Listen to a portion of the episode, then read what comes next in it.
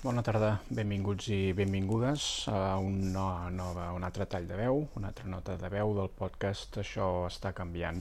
que és un podcast cru sobre un tema en ebullició.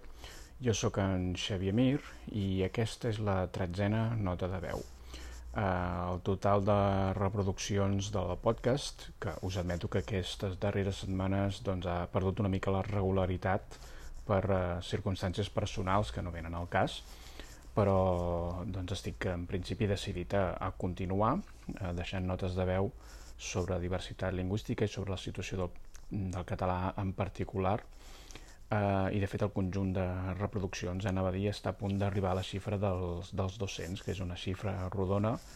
que no vol dir que la mitjana no és excessivament alta, no és un podcast que tingui un, un èxit esclatant, però si a les persones que l'heu anat escoltant fins ara us fa servei, doncs aquesta és la intenció i per això he decidit que de moment continuo.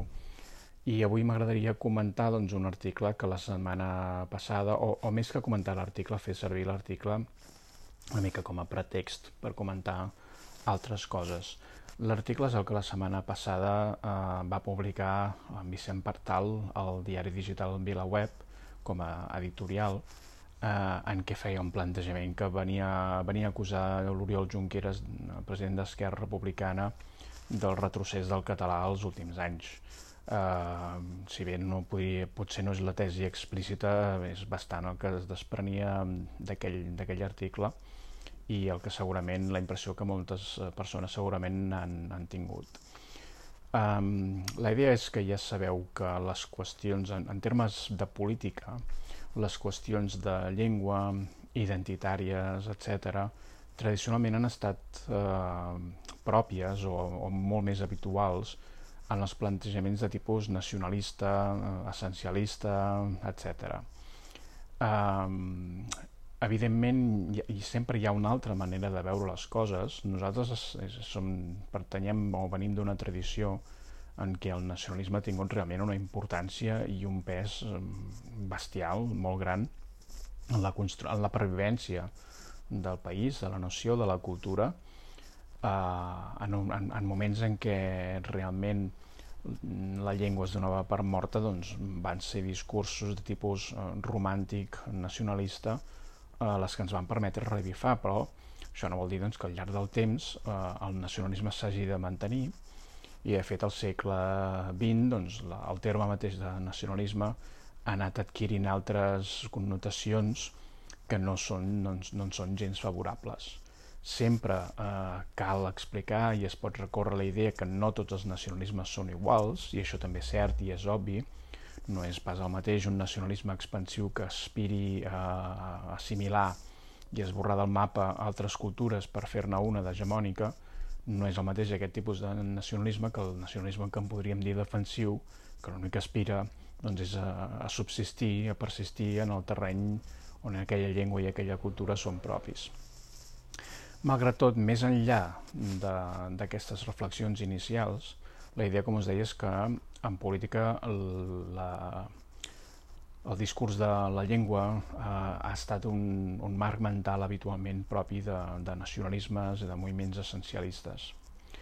L'alternativa eh, és construir un discurs sobre la llengua que és perfectament possible, que potser fins no fa gaires anys doncs no, no era tan fàcil o no era tan obvi, però el que intento explicar precisament eh, en aquest podcast és que els uh, lingüistes ens estan alertant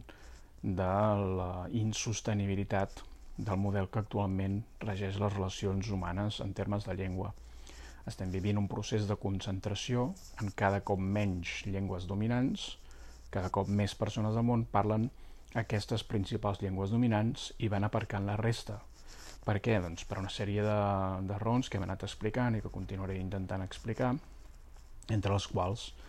eh, el fet que els estats eh, tinguin llengües oficials,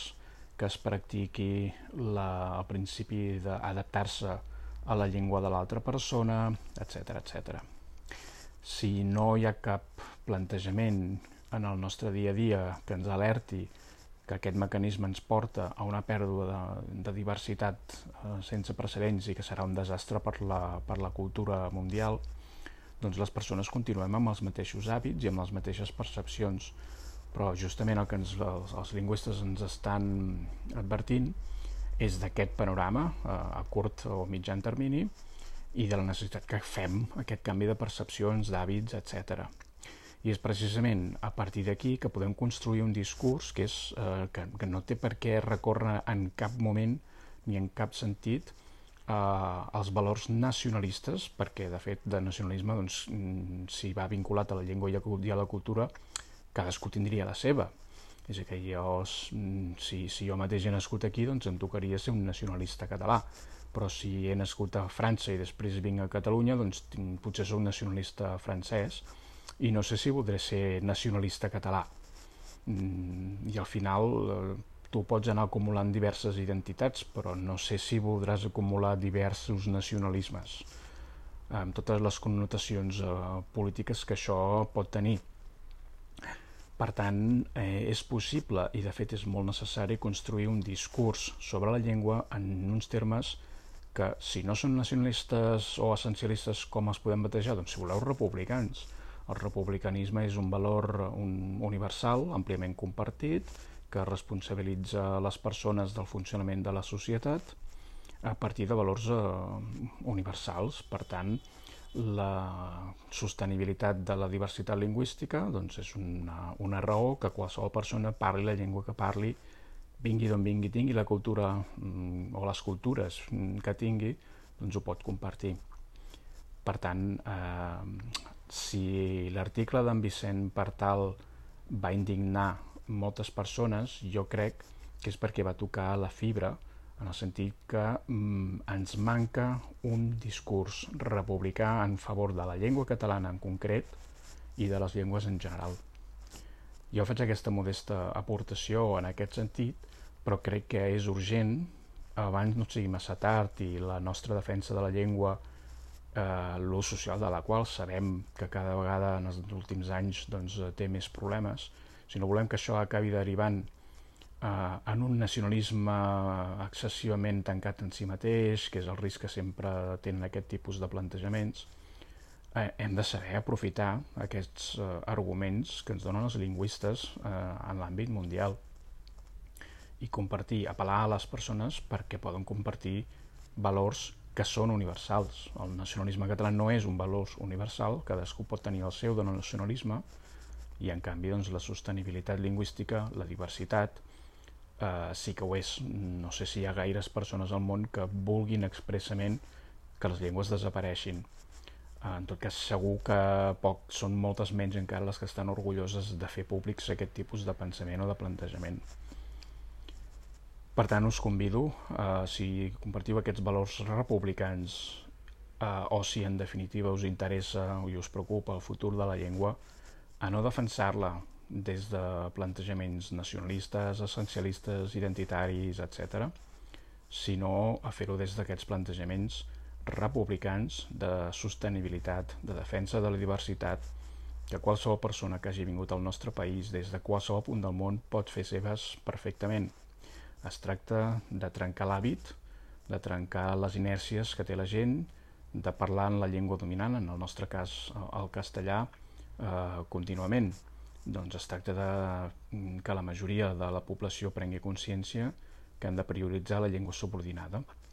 I en aquest punt la motivació mm, ho és tot. Si no hi ha cap motivació per fer una cosa, no la farem.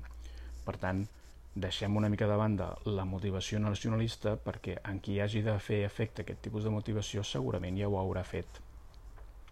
I en canvi tenim per explorar tot aquest espectre d'idees que fa referència a un procés molt semblant al que ha estat el procés del de, uh, medi ambient i de la crisi climàtica. Fem-ho, construïm aquest discurs, plantem cara amb valentia i amb fonament els discursos de tipus nacionalista amb un discurs de la llengua basat en valors republicans. Endavant, fins la propera.